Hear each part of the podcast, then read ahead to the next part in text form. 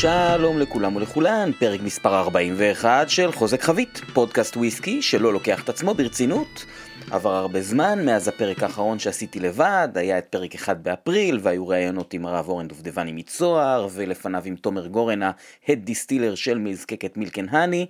והנה אני חוזר למקורות לפרק רגיל, אני מקווה שתהנו. אני אעדכן שהאתר של חוזק חבית נמצא בעבודות הרחבה משני דוודים לשישה דוודים, ואני מקווה שגם הוא יהיה סיפור הצלחה, כמו קליינלי שעשתה את זה בזמנו, או קולילה.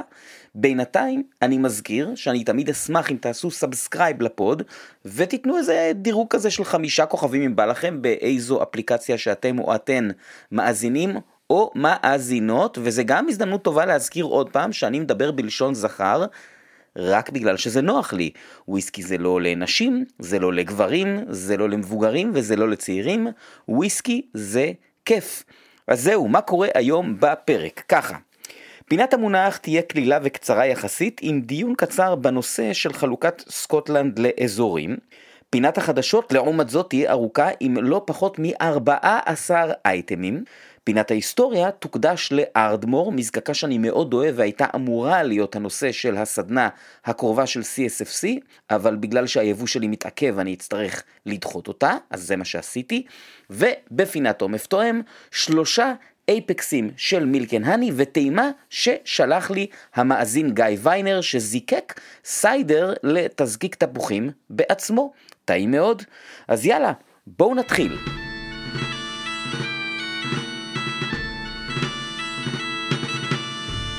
היום בפינת המונח אני אתייחס למשהו שאיכשהו אף פעם לא דיברתי עליו, ויצא שבחודשים האחרונים זו הסדנה שאני מעביר הכי הרבה לקהל פרטי, בעיקר קהל עסקי, והמונח הזה הוא אזורי הוויסקי של סקוטלנד, ה-Scotch Whisky Regions.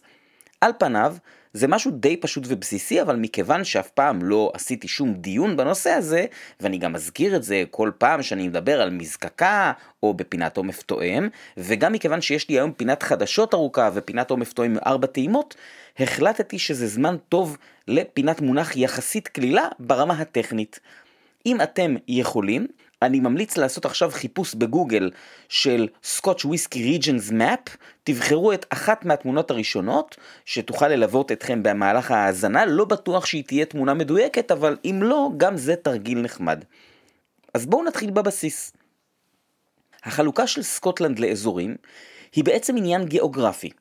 יש חמישה אזורים, וכל מזקקה למעשה נמצאת או משויכת לאחד מהם. האזורים הללו הם בעצם לא קשורים לוויסקי. הלואולנד וההיילנד הם שמות גיאוגרפיים כלליים. הספייסייד הוא בגדול כל מה שמצוי לגדות נהר הספיי ויובליו בצפון מזרח סקוטלנד. אם אתם מסתכלים על המפה הזו, אז אתם רואים שזו בעצם מין מובלעת שיש לה כמה מאפיינים גיאוגרפיים מעט שונים מההיילנד. שני האזורים הנוספים הם האי איילה בדרום מערב סקוטלנד והעיירה קמבלטאון בחצי האי קינטייר גם בדרום מערב סקוטלנד. יש מספר טענות באשר למתי ומדוע נעשתה החלוקה הזו לראשונה. יש כאלה שטוענים שמדובר בניסיון להידמות לתעשיית היין עם הטרואר והחלוקה לאזורים, מה שנקרא אפליישנס אפלסיונים, כפי שנהוג למשל בצרפת או באיטליה. ויש שטוענים שמדובר בעצם באינטרס שיווקי שהקל על חברות או תאגידים שיש להם הרבה מזקקות ליצור בידול בין המזקקות השונות. הדוגמה הכי טובה היא כמובן דיאג'ו, תגיד שיש לו הכי הרבה מזקקות, ודוגמה למאמץ השיווקי הזה היא קמפיין ה-Six Classic Malts או ה-Six Classics מ-1988, שבו בעצם דיאג'ו בחרו במזקקות שונות, כמובן שלהם, לייצג חלקים שונים בסקוטלנד. גלן קינשי מהלואולנד, דלוויני ואובן מההיילנד, אחת ממרכז ההיילנד ואחת מזקקת חוף, קרגנמור מהספייסייד, לגבולין מאיילה וטליסקר מאזור האיים. רגע, רגע, רגע, מה זה אומר אזור האיים? לא דיברנו על זה, אמרנו שיש חמישה אזורים, לא? אז תראו, בסופו של דבר, ב-2009, במסגרת תקנות מקיפות חדשות שפורסמו על ידי ה-SWA, Scotch Whisky Association, אני מזכיר, הגוף שאחראי לחוקים ולתקנות בנושא הזה, אז התקנות עשו סדר בהרבה מאוד דברים ב-2009. דוגמה למשל שהיא לא קשורה לזה, זה האיסור על השימוש במונח פיור מלט. יש סינגל מלט ויש בלנדד מלט. אסור להשתמש במונח פיור מלט בסקוטלנד מאז, אז גם הנושא הזה של אזורי הוויסקי הוסדר. חמשת האזורים שציינתי בהתחלה הם היחידים. כל האיים שאינם איילה למעשה שייכים לפי התקנות נכון לרגע זה לאזור ההיילנד. למשל אם אתם מסתכלים על מפה שבה האיים צבועים בצבע אחר ולא בצבע של ההיילנד אז אפשר להבין שהמפה הזאת היא לא 100% נכונה. זה אומר בעצם של כל המזקקות באיים אורקני, סקאי, רסאי, מל, ג'ורה וארן, וגם אלו שעתידות להיפתח באיים אחרים, כמו למשל ברה או הארי סן לואיס וכן הלאה, שייכות מבחינה רשמית וחוקית לאזור ההיילנד. לעניות דעתי, עקב פתיחתן של מזקקות רבות שכאלו באיים, יותר ויותר, בסופו של דבר, מתישהו אזור האיילנדס, האיים, יצטרך להיות מוגדר כאזור נפרד. נכון לרגע זה, הוא אינו קיים רשמית. זה כמובן לא אומר שאי אפשר לדבר על אופי של וויסקי מהאיים, וכמובן מיד לשאול אחרי מה בעצם ההבדל בין וויסקי מהאיים באופן כללי לוויסקי מאיילה, או לוויסקי ממזקקה שנמצאת על החוף בקמבלטאון או בהיילנד. אז מה באמת אומרים האזורים בפועל? אנחנו נתחיל עם הקלאסיקה שאתם תקראו בכל מיני מדריכים, ואני כמובן לא אומר את זה בזלזול, אלא בכבוד, ועל הדרך אני גם אציין כמה מזקקות יש בכל אזור. אז תראו, וויסקי מהלואולנד הוא לרוב וויסקי שמוגדר כפרחוני ועסבוני, מתקתק ורך. היו בו עד לא מזמן מעט מאוד מזקקות, השפל בין השנים נדמה לי 93 או 94 ל-2000 היו רק שתי מזקקות פעילות, אוקנטושן וגלן קינצ'י, היום כבר יש יותר, אני חושב שלפחות 15 אולי אפילו יותר מזה. אה, דיברתי על בלדנוך, אה, לוכלי שעלתה פה לא מזמן כמה וכמה פעמים, גלאזגו 1770 ויש עוד ועוד.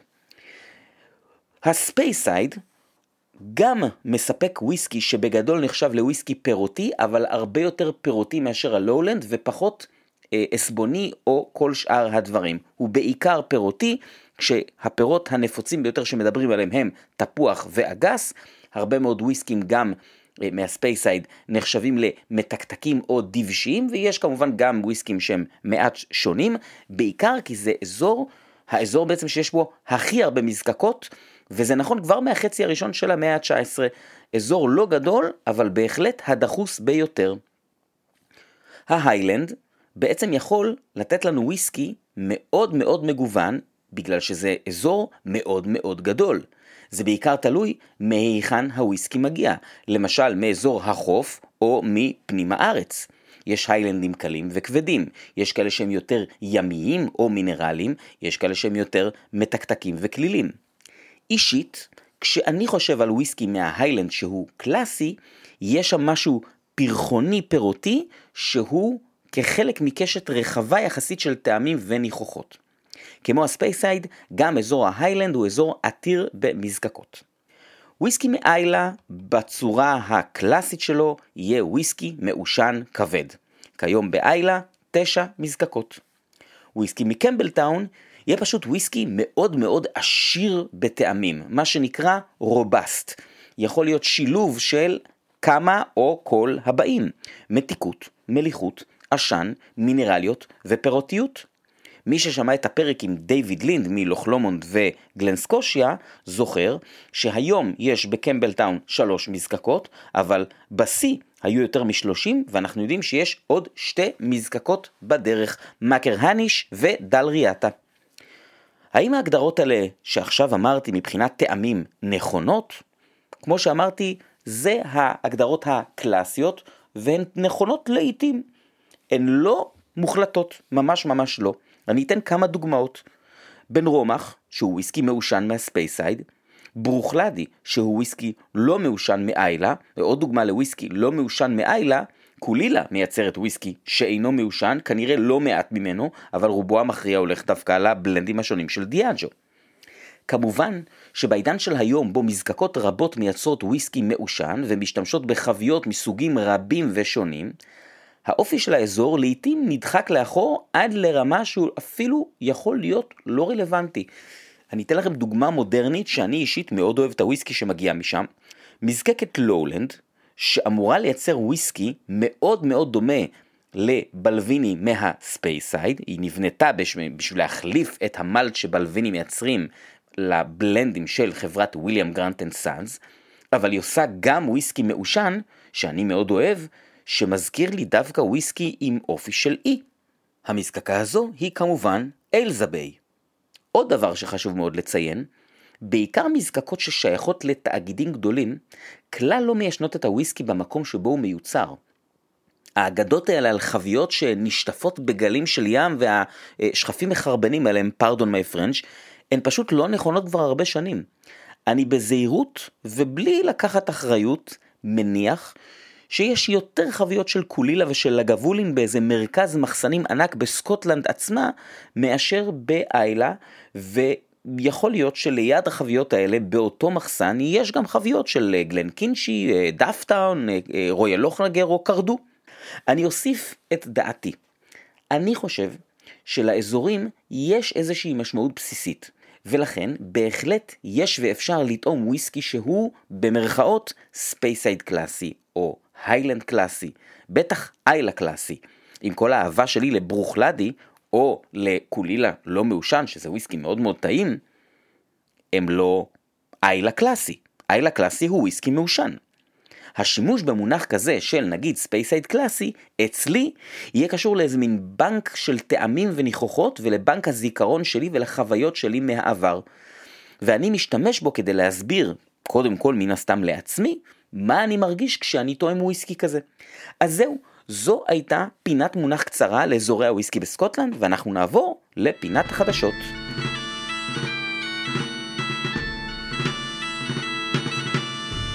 אז כמובן שקרו הרבה מאוד דברים מאז הפרק האחרון שהייתה בו פינת חדשות. יש דברים שכבר uh, התיישנו ואני לא אזכיר, אבל בכל זאת יצאה פינה ארוכה מאוד, uh, כי אני כן רוצה לתת סקירה של התרחשויות חשובות מהשבועיים שלושה האחרונים.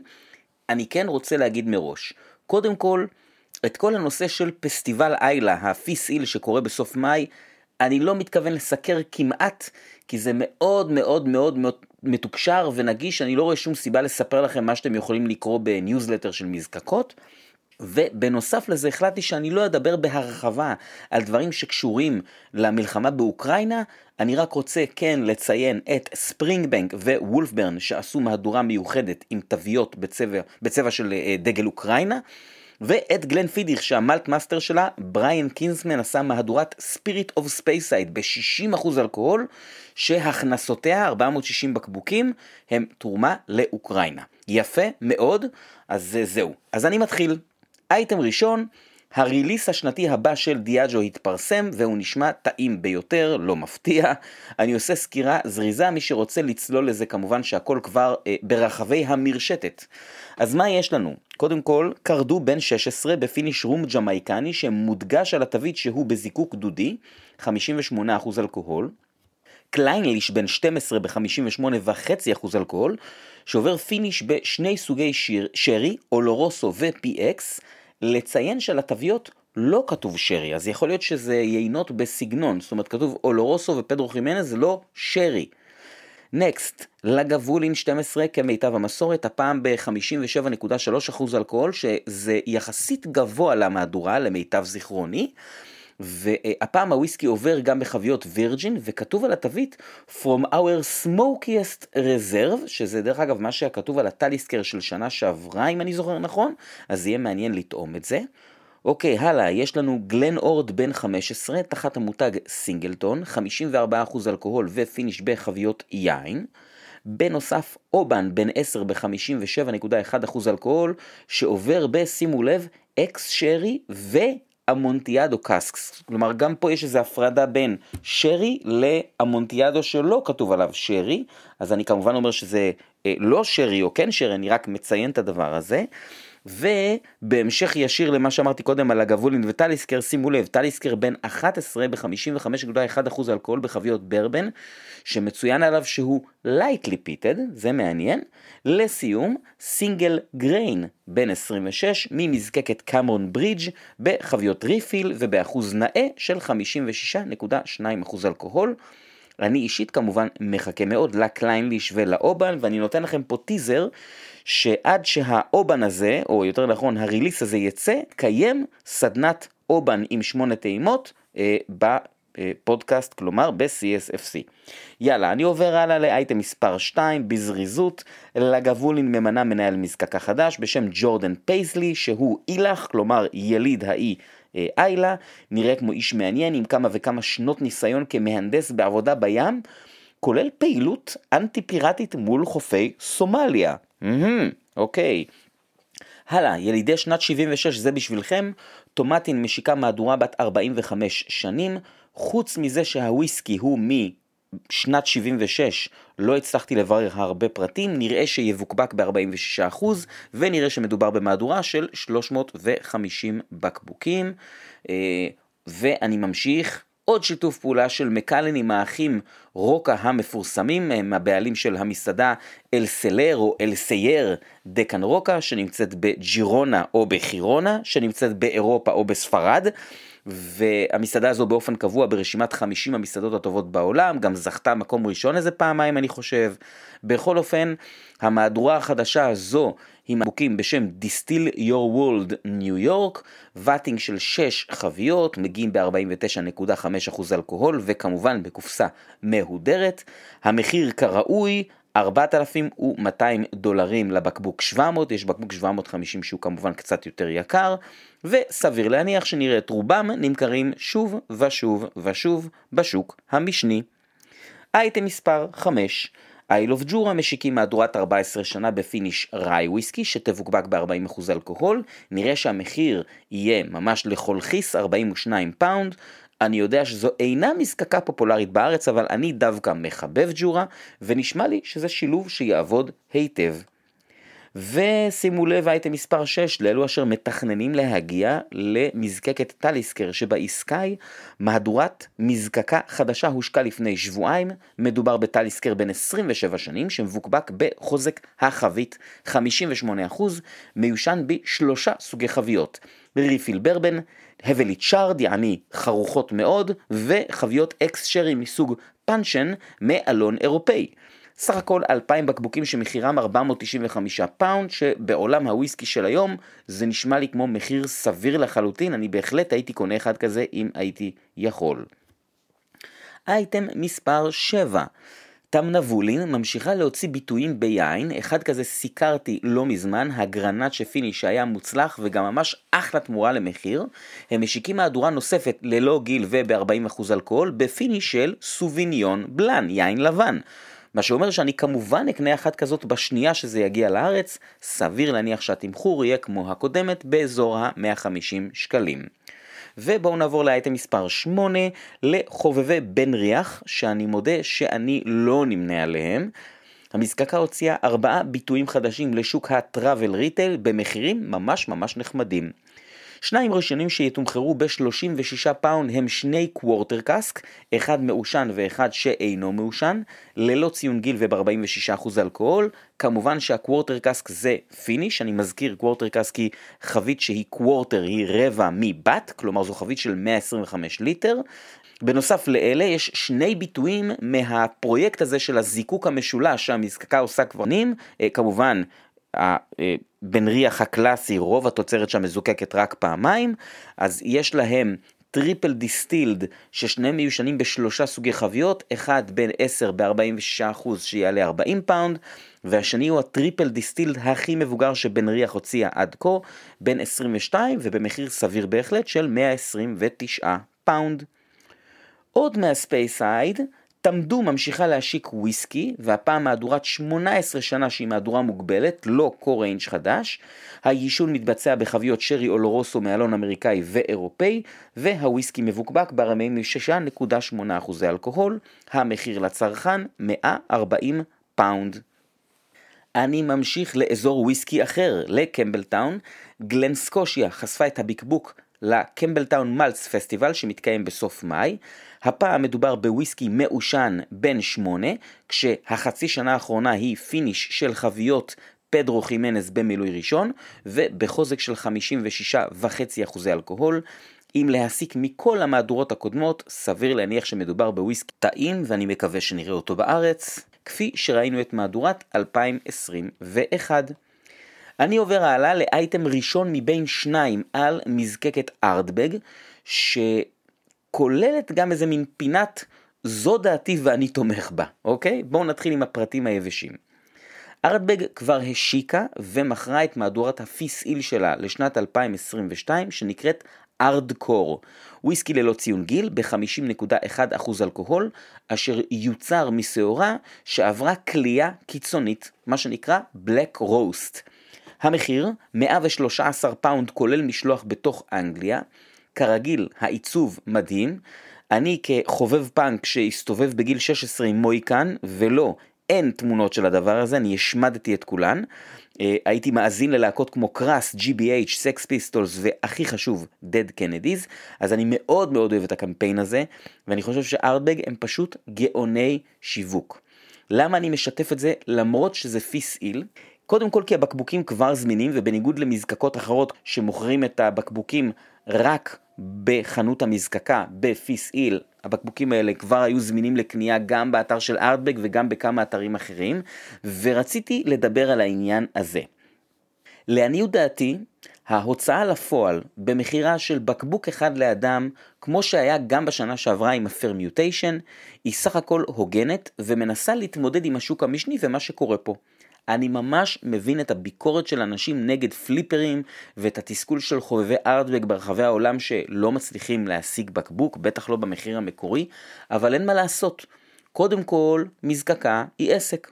ודבר שני, יש כאן שוק שהוא פשוט נמצא בתנאים קיצוניים, ואני חושב שארטבג בהחלט לא מנצלים אותו בצורה צינית כפי שהם יכלו, בטח לא כמו שמייחסים להם. התופעה הזאת קיימת בעוד מזקקות, לדוגמה ספרינגבנג וקילקרן, ועוד כמה מזקקות, וזה פשוט מצב השוק היום. אז אני מסתכל על זה מהצד כצרכן ואומר לעצמי, אוקיי, אז ארטבג השקיעו כסף, זמן ואנרגיה בליצור מנגנון שלפחות מונע מאנשים לקנות שניים שלושה ארגזים, מה שהיה חוסך לארטבג זמן, כסף ואנרגיה. אז אפשר גם להעריך את זה. אני אציין שאני קניתי בקבוק אחד, ולשמחתי הרבה כמובן, ואני כבר אומר פה קבל פודקאסט, שאני לא מתכוון למכור אותו בשביל להרוויח, אני בהחלט מתכוון לפתוח אותו בסדנת ארטבג שתקרה במהלך החורף, וכך ייהנו ממנו חוץ ממני עוד 30 אנשים. אני ממשיך לאייטם שני על ארטבג, שהשיקו מהדורת NFT עם בלוקבר, עליהם שמענו כולנו מאור בפינת המונח בפרק 36. אני לא בטוח אם אני מבטא את זה נכון, אבל שמה של המהדורה הוא פונפוד או, או פונפויד, משהו כזה, והיא למעשה vatting של שתי חביות second fill bourbon, שהיו קבורות בתוך peat bog, כלומר בתוך ביצת כבול או מרבץ כבול, ליד המזקקה במשך שנתיים ועשרה חודשים. דוקטור Bill Lumsden טוען שהעישון תחת מעטה הכבול יצר וויסקי מאוד מאוד עשבוני, herbally, אוקיי? herbal whisky. 456 בקבוקים בחוזק של 45.5 אחוזי אלכוהול הוצאו למכירה ב BlockBar, בתמורה לסכום של 1 Ether, שזה באותו זמן היה בערך 3,100 דולר או 2,360 פאונד. נכון לרגע זה בו אני מקליט, יש בערך 100 בקבוקים שעדיין מוצעים למכירה, הם טרם נרכשו כשבוע קצת יותר אחרי ההשקה. אה, כמובן שגם למהלך הזה היו כמובן תגובות שליליות מחובבי Ardbeg ברשת, כולל שמחה על זה שהמזקקה לא הצליחה למכור את כל הבקבוקים בשעתיים הראשונות כמו מהדורות מיוחדות אחרות. דעתי האישית בנושא מנסה לבדוק את השוק ואת הגבולות שלה בתוך השוק הזה, וזה לגיטימי. המחיר מאוד גבוה, מצד שני יש כאן גם וויסקי שעבר איזה תהליך אחר, ומזווית של חובבי הוויסקי המתלוננים, אמ, אני שואל, האם בהכרח הדבר הזה הוא יותר גרוע מלעשות מהדורת ראש השנה הסינית שההבדל היחיד שלה הוא תווית אחרת ולמכור אותה במחיר יותר גבוה כמו שעשו גלן פידיך ב-NFT או גלן מורנג'י בלי קשר ל-NFT. אני שוב אומר, מבחינתי לא זה ולא זה גרועים, זה השוק ואני רוצה שנזכור שמזקקות שרק לפני 30-40 שנה עברו תקופות מאוד מאוד קשות, כן? ארטבג הייתה סגורה אה, בשנות ה-80 ובשנות ה-90 כמה שנים כל פעם. אז זה השוק, הן יכולות ליהנות ממנו והן צריכות ליהנות ממנו. כמו שאופירה אומרת, מה ששלהם שלהם. יאללה בואו נסיים עם שני אייטמים של חדשות מקומיות. הראשון הוא Vintage Whisky יעלו לאתר שלהם בימים הקרובים משלוח שני שמגיע מהמבקבק Single Cask Nation שיכלול גם וויסקי וגם רום. אה, אני יודע שבמסגרת הוויסקי אה, יהיה Glen Garioch, יהיה Ardmore בן 23, יהיה Paul John לחובבי וויסקי הודי וכן הלאה. כבר המלצתי לגלול באתר הזה Vintage Whisky, אני ממליץ עליהם שוב. והאייטם השני בשבוע הבא תוכלו למצוא על המדפים של חנויות דרך היין single cask של Kilchoman שבוקבקה עבורם, ואני כבר מתחיל בגילוי נאות. אני בחרתי את החבית הזאת, ומכיוון שכך, וגם מכיוון שיש לי קשרי עבודה עם דרך היין, אני לא אחווה את דעתי על הבקבוק, אלא רק מציין את העובדות. אני כמובן לא מרוויח שום דבר אם אתם תרכשו בקבוק, אה, פרט אולי לשם טוב לאף שלי, אם אתם תחליטו שאתם אוהבים אותו. אז מה בעצם יש לנו כאן? מדובר בחבית ex bourbon בת 9 שנים של 100% Islay, כלומר וויסקי משעורה שגדלה בחוות Rockside והולטתה ועושנה במלטינג פלור של המזקקה עצמה של קילחומן ל-20 ppm. החבית הזאת הניבה 236 בקבוקים בחוזק החבית של 55.6% אלכוהול, המחיר לצרכן הוא 500 שקלים, מחיר לחברי המועדון של דרך היין הוא 400 שקלים, למיטב ידיעתי, חברות במועדון היא חינם. אז זהו, זו הייתה פינת החדשות הארוכה בתולדות הפודקאסט כנראה, ואנחנו עוברים לפינת ההיסטוריה.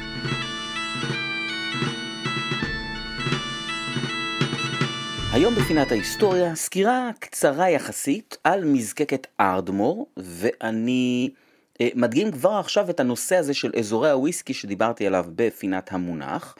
המזקקה היא מאזור מזרח ההיילנד, היא נמצאת על הגבול עם הספייסייד, ממש ממש כאילו על הגבול, אין באמת גבול אמיתי כמובן, והיא עושה וויסקי מעט מעושן ברמה של בערך 14 ppm.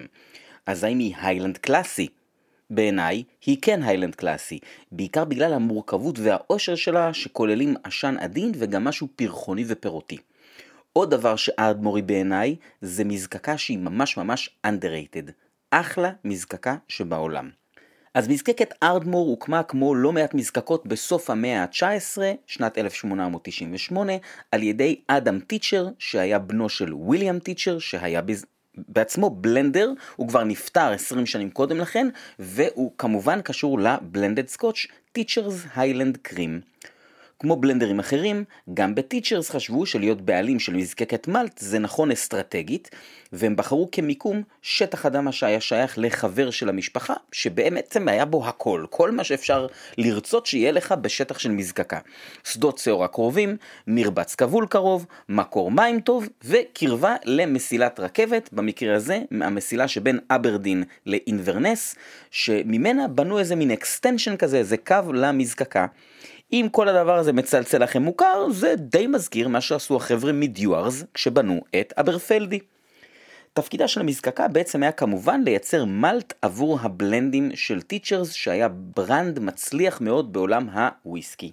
ב-1955 המזקקה הכפילה את עצמה משניים לארבעה דוודים וב-1974 עוד פעם הכפילה את עצמה לשמונה. שנתיים לאחר מכן, ב-1976, קרו שני דברים. הראשון, המזקקה השביתה את ה Saladin box שלה ובעצם עברה לרכוש מלט ב outsourcing, כמו מזקקות רבות בשנות ה-70, והשני, החברה בעצם נקנתה או התמזגה לתוך חברה אחרת שנקראה Allied Lyons, שהייתה בעצמה מין מיזוג כזה בין חברת קייטרינג לחברה שהיו בבעלותה מספר מבשלות בירה שקראו לה Allied Breweries. עכשיו, את השם הזה, Allied, אפשר לקרוא בכמה צורות במהלך ההיסטוריה של אה, השנים הללו בעולם הוויסקי.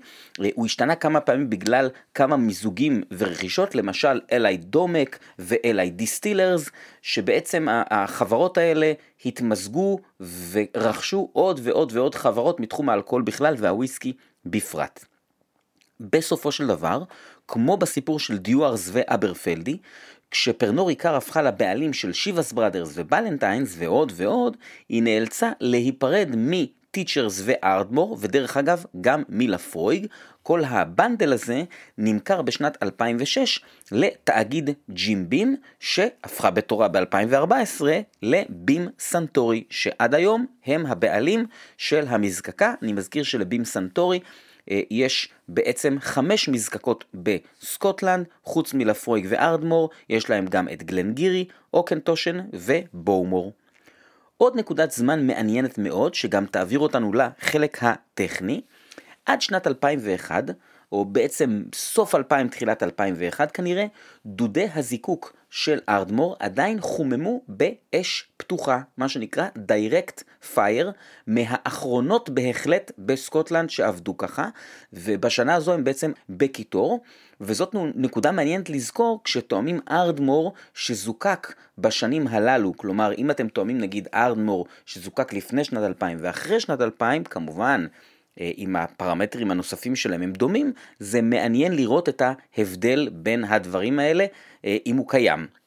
אז בואו נמשיך עם ההיבט הטכני של המזקקה. השעורה בארדמור מעושנת, והנתון שתמיד עולה הוא 12 עד 14 ppm, אבל מיוצר בה גם וויסקי לא מעושן, שכאשר הוא מבוקבק כשלעצמו, הוא נקרא ארדלר. אורך התסיסה משתנה בין שני הסוגים הללו. ארדמור, כלומר המלט המעושן, יעבור תסיסה של כ-54 שעות, בעוד ארדלר יעבור תסיסה ארוכה יותר שיכולה להגיע ל-70 שעות. התסיסה מתרחשת בוושבקס מעץ, יש להם 14 בשני גדלים שונים.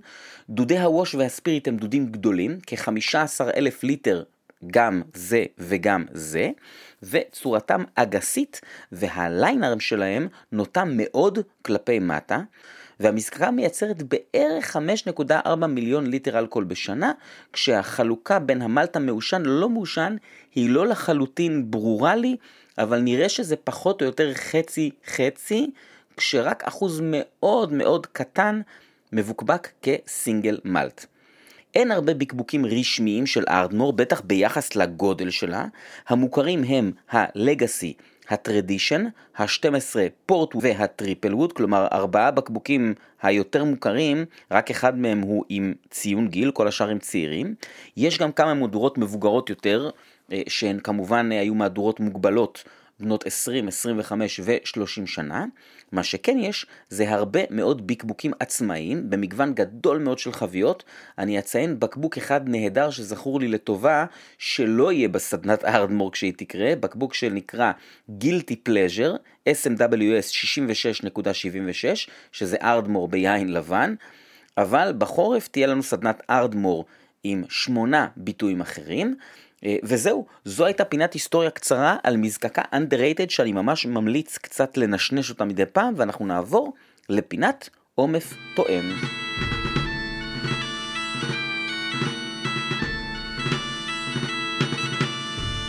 היום בפינת עומף תואם, שלושה אייפקסים של מילקן האני שעדיין זמינים לרכישה בחנויות, אה, כפי ששמעתם בעבר וגם בפרק עם תומר, אני מאוד אוהב את הסדרה הזאת, אני תמיד שמח לטעום אותם.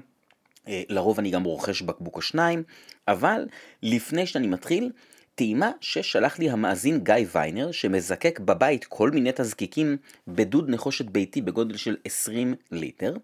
הוא זיקק 30 ליטר של סיידר תפוחים אדומים, זיקוק ראשון בשני בצ'ים נפרדים בגלל הגודל של הדוד, ואז זיקוק שני.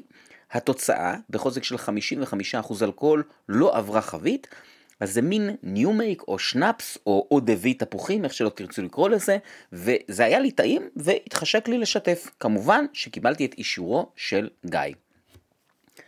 טעימה ראשונה, האף מאוד מאוד תפוחי, מאוד.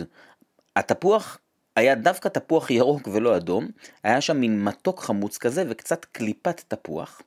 בכך גוף טוב, תזקיק חם, ממש ממש חימם לי את כל הפה. מאוד תפוחי דווקא לכיוון המתוק. באפטר הוא מקבל מעט מרירות שמזכירה את החלק החיצוני של הקליפה של תפוח ירוק. טעים ממש, מפתיע בכמה שהתפוח נשאר שם ב-DNA, והוא בעצם נשאר מאוד מאוד סוליד, גם אחרי 20 דקות, ולכן הוספתי לו לא מעט מים וחיכיתי עוד איזה רבע שעה, ואחרי הוספת המים וההמתנה, הוא נהיה מעט יותר מתוק באף, יותר תפוח אדום מירוק, אבל יכול להיות שזו איזושהי הטיה שלי, כי אני יודע מה חומר הגלם. ובכך הוא דווקא קיבל חמצמצות יותר, והסיומת קיבלה מרירות מסוג אחר, עדיין קלה ונעימה מאוד. שורה תחתונה, סחטן גיא, עבודה טובה, תודה רבה ששיתפת אותי, ואני עכשיו עובר לטעימת האייפקסים.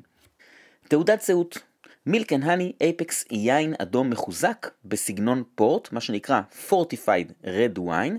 Uh, כמובן שאי אפשר לקרוא לזה uh, פורט כי זה יין ישראלי והוא לא פורטוגלי, אבל בהחלט אפשר לעשות מוצר באותו הסגנון. אני מזכיר שבניגוד לשרי, אין כאן עניין של השמרים המיוחדים שנקראים פלור והנושא של מזג האוויר, אלא יותר של טכניקה, מתי ואיך עוצרים את התסיסה. יש כאן בעצם ואטינג של חמש חביות כאלה, אשר התיישנו יישון מלא שלוש וחצי שנים. התזקיק נעשה משעורה ברמת עישון של 40 ppm, סך הכל המהדורה כוללת 1,700 בקבוקים, מתוכם רק 300 נשארו בארץ והשאר יוצאו. חוזק אלכוהולי 55.3% אלכוהול, מחיר לצרכן כ-400 שקלים. אני מציין שלמהדורה הזאת קוראים Peated Fortified Red Wine. יש מהדורה קודמת, נדמה לי שזה היה Apex מספר 6, שפשוט קוראים לה Fortified Red Wine בלי ה Peated, שהיא הייתה מהדורה שהיא בלעדית לשוק האמריקאי, אז לחברים בארצות הברית לא לבלבל. טעימה ראשונה, האף יחסית קליל. יש מתקתקות, אבל גם מעט חמיצות, ולתחושתי האף יותר ייני מפורטי. יש כאן עישון, אבל הוא מרגיש די קליל, ומשלב מעט בשרניות ומעט אדמתיות. יש איזו נגיעה של גופרית שאני כידוע מאוד מאוד אוהב, זה ממש ממש מין נגיעה וזה מאוד מוסיף, זה הרגיש לי כמו תבלין או, או, או מונוסודיום גלוטומט או משהו כזה. אה, החוזק האלכוהולי ניכר אבל לא מכביד, וזה בעיקר מרגיש כמו אף טוב שיכול לתת יותר ופשוט צריך זמן. בפה הוא היה לי מיד טעים, ומשהו שמיד משך את תשומת ליבי הוא רב שכבתי מהשלוק הראשון. יש פה מתוק, מעט מר, מעט חמוץ, מעט עץ, עשן מסוג אחד בחלל הפה בזמן שהוויסקי שם, ועוד גל של, עלן, של עשן סליחה, שעולה באפטר. זה מין אפקס בוגר כזה. וזה שהוא ככה כבר במזיגה הראשונה זה היה גם כמובן כיף וגם מרשים. יש פה אפטר ארוך מאוד שמרגיש כמו עץ חרוך ומעט יובש של ייניות ודבר אחד היה חסר לי, שזה טעמי פורט יותר מובחנים, אבל זה לא הפתיע אותי, כי כפי שתומר אמר בפרק 38, הוא פחות אוהב חביות יין, ולוקח את זה למקום יותר מאוזן, וזה ניכר. אחרי 20 דקות, בניגוד למה שחשבתי, לא יצא יותר עשן באף, אלא להפך. העשן שהיה התעדן, והפורטיות דווקא יצאה החוצה. יש קצת פירות אדומים, והחוזק שהיה קודם ניכר, אבל לא מכביד, עכשיו הוא אפילו לא ניכר. ממש וויסקי אלגנטי, הכל פשוט הפך למקשה אחת. בפה לעומת זאת, העשן גבר והתחבר, כלומר, קודם היו שני גלים של עשן שממש ממש נפרדים, ועכשיו זה הרגיש לי כאילו יש איזו המשכיות.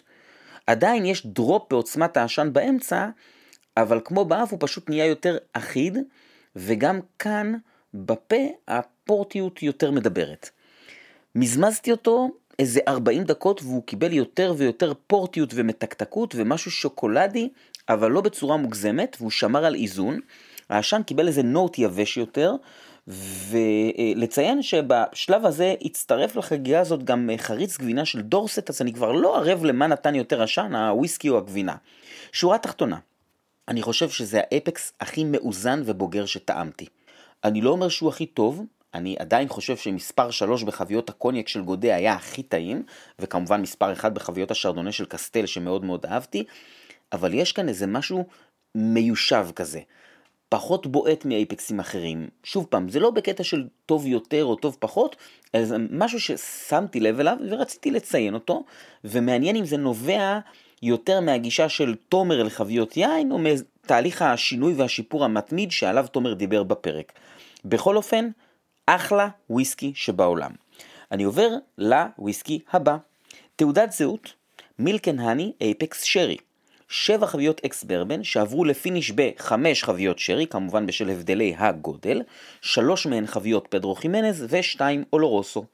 סך הכל גילו של הוויסקי, שלוש וחצי שנים, 2019 בקבוקים בחוזק של 53.6 במהדורה, רק 200 מהם נשארו בארץ והשאר יוצאו. לציין שהמהדורה הזאת נמצאת גם בדיוטי פרי. מחיר לצרכן כ-400 שקלים. טעימה ראשונה, הדבר הראשון שקפץ לי לאף זה ה-DNA של מילקן הני. הוא יותר נוכח כאן מאשר באייפקס ספורט הקודם שטעמתי, ומשתלב יפה עם השרי, לי הוא עובר כפרחוני ועסבוני, והוויסקי לחלוטין הרגיש לי סגור, ועקב תעודת הזהות וגם ההיכרות המעמיקה שיש לי עם האלמנטס שרי שאני מגיש במוזנר, הייתי בטוח שיש פה הרבה יותר, והשרי התבטא לי כאן בעיקר באגוזיות ומעט אה, שוקולדיות כזאת. בכך התחושה המשיכה. הוא צריך זמן, וכרגע הוא מרגיש כמו מהדורה חזקה של האלמנטס שרי. לציין שהחוזק לא מכביד בכלל, נתתי לו את הזמן. אחרי 20 דקות, האף נפתח והשרי יצא החוצה. האלמנט השוקולדי גבר, האגוזיות נשארה, יש גם אלמנט של פרי אדום בסגנון אוכמניות כזה, והשרי הפך ליותר דומיננטי ממה שקודם כיניתי ה-DNA של מילקן הני שעבר לרקע. בכך יש גם התפתחות, אבל לא הייתה כאן קפיצה גדולה כמו באף. יש כאן יותר פירותיות מאשר באף, והוא הפך למה שאני מכנה וויסקי חם, ובאופן כללי החוזק שלו יותר ניכר מאשר קודם. האפטר קיבל איזה מרירות שהייתה בעיניי מעט יותר מדי, והחלטתי לתת לו עוד יותר זמן, כי אה, אני רוצה פשוט לראות האם מה שקרה באף יכול גם לקרות בחך. אז אחרי עוד חצי שעה, כלומר אני מדבר איתכם 50 דקות מרגע שמזגתי, האף הפך יותר דחוס ומתקתק, ה-PX יצא החוצה, ומבחינתי האף השתנה, אבל לא השתפר, כלומר הוא היה נעים לי בכל אחת משלוש הטעימות הללו, פשוט היה כל פעם שונה. בכך, הוא גם עשה צעד קדימה ויצאו עוד כמה טעמים מעניינים, זה שהכי נהניתי ממנו היה טעם של שקדים והוא התחבר למרירות שקודם הייתה לי מוגזמת והתעדנה עכשיו לרמה שהיא נעימה לי. שורה תחתונה, ביטוי מעניין של שרי. אם בהתחלה הוא הרגיש לי כמו אלמנטס שרי חזק יותר, הרי שבסופו של דבר יש כאן פשוט משהו אחר, מעניין, שאני חושב שיתאים בעיקר לחובבי מילקן הני. כלומר, אם אתם פשוט אוהבים פצצות שרי ואתם מתלבטים, מתלבטים בין Apex sherry לנגיד אה, אה, פארקלס 105 או, או Arran Bodega sherry או, או Tamdhu חוזק חבית, אני חושב שדווקא הייתי הולך על אחד מהסקוטים. אבל אם אתם אוהבים את Milk and Honey ויש לכם כמה בקבוקים שלהם וטעמתם כמה טעימות, נגיד ב Whisky Live או סיור במזקקה, ואתם אוהבים את ה-DNA הזה, אני חושב שזה בקבוק שאתם מאוד מאוד תהנו ממנו בדיוק בגלל הייחוד הזה שלו. נמשיך לטעימה השלישית. תעודת זהות, מילקן הני אייפקס פיטד STR. חמש חביות STR בהן יושן במשך שלוש שנים תזקיק משעורה מעושנת ל-40 ppm. 1,487 בקבוקים במהדורה הזו בחוזק של 58.9%, רק 240 מתוכם נשארו בארץ, יותר נכון 238, כי שניים אצלי בארון. מחיר לצרכן 400 שקלים. טעימה ראשונה, גם כאן ה-DNA של מילקן הני נוכח ביותר. האף הוא ממש כל מה שתעודת הזהות הבטיחה. יש כאן את הפירותיות של חבית STR, יש עשן די קל ויותר לכיוון יבש, סך הכל אף נעים, ויחסית לאחוז האלכוהול הוא הרגיש לי פחות סגור ממה שציפיתי שהוא יהיה. בכך, הוא הפתיע אותי עם עשן חזק משמעותית מאשר באף, קצת פחות יבש ויותר צמחי, ועובד ממש טוב עם חבית ה-STR. יש תחושה שהחבית היא המסגרת של העשן. העשן זה האירוע המרכזי, והחבית שקיבלה בפה משהו טיפה פירותי וחמצמץ, מקיפה אותו. זה המשיך יפה לאפטר שהיה די ארוך ויבש, ולטעימה ראשונה ובטח בחוזק כזה, הוא היה ממש ממש אחלה, חיכיתי לראות מה יקרה איתו אחרי 20 דקות. באף לא היה שינוי גדול, אבל מה שקרה באייפקס ספורט קרה גם כאן. הוויסקי פשוט הפך למקשה אחת. יצא קצת עסבוניות, יש משהו מעט תפוחי כזה, האף ממש נעים, ויש פה גם אלמנט מבוסם. בחך, משהו ממש מעניין קרה לעשן. הוא הפך לקצת יותר צמחי, קצת יותר חזק, מתובל ומעט מחוספס, ואם אני צריך לבחור וויסקי מעושן אה, סקוטי שהוא דומה לו, אותי הוא זרק לכיוון של ארדמור, ובעיניי זה ממש ממש מחמאה, כי כמו ששמעתם בפינת ההיסטוריה, אני ממש אוהב ארדמור. יש פה גם מעט תפוחיות כזו בחלק הקדמי של הלשון, ואפטר ארוך, עם עשן שהופך למשהו שמזכיר אפר. מעט טיבול, מעט לכלוך, ממש ממש אפטר מהנה. שורה תחתונה, זה פשוט בקבוק נהדר ועוד אייפקס נהדר. טעמתי אותו לפני שנה, ממש לפני שהוא יצא באדיבותו של תומר במסגרת סדנת מילקן הני במוזנר, וכשהוא יצא קניתי שניים ושמתי בארון, ועכשיו אני ממש ממש שמח שהם שם. שורה תחתונה לכל הטעימה. איזה כיף של טעימה. ממש ממש היה לי כיף לטעום את האייפקסים האלה, ואם אני צריך לדרג את שלושתם עבורי, הפורטיפייד ויין הוא המקום הראשון, בגלל הבגרות הזאת שלו, שהייתה מאוד מעניינת בשבילי. הפיטד אסטיאר הוא מקום שני, אבל בנקודות, והשרי עבורי הוא מקום שלישי. מה שברור, האפקסים של מילקנני ממשיכים להיות וויסקי ברמה גבוהה, אני ממש מחכה לאלו שתומר סיפר לי עליהם בפרק וגם אחרי הפרק שההקלטה נגמרה, והאמינו לי, יש למה לצפות. אז זהו, תודה רבה, אני מקווה שהיה לכם פרק כיף, אני מקווה שהיה לכם פסח כיף, ואנחנו נתראה בפרק 42. תודה רבה, ביי!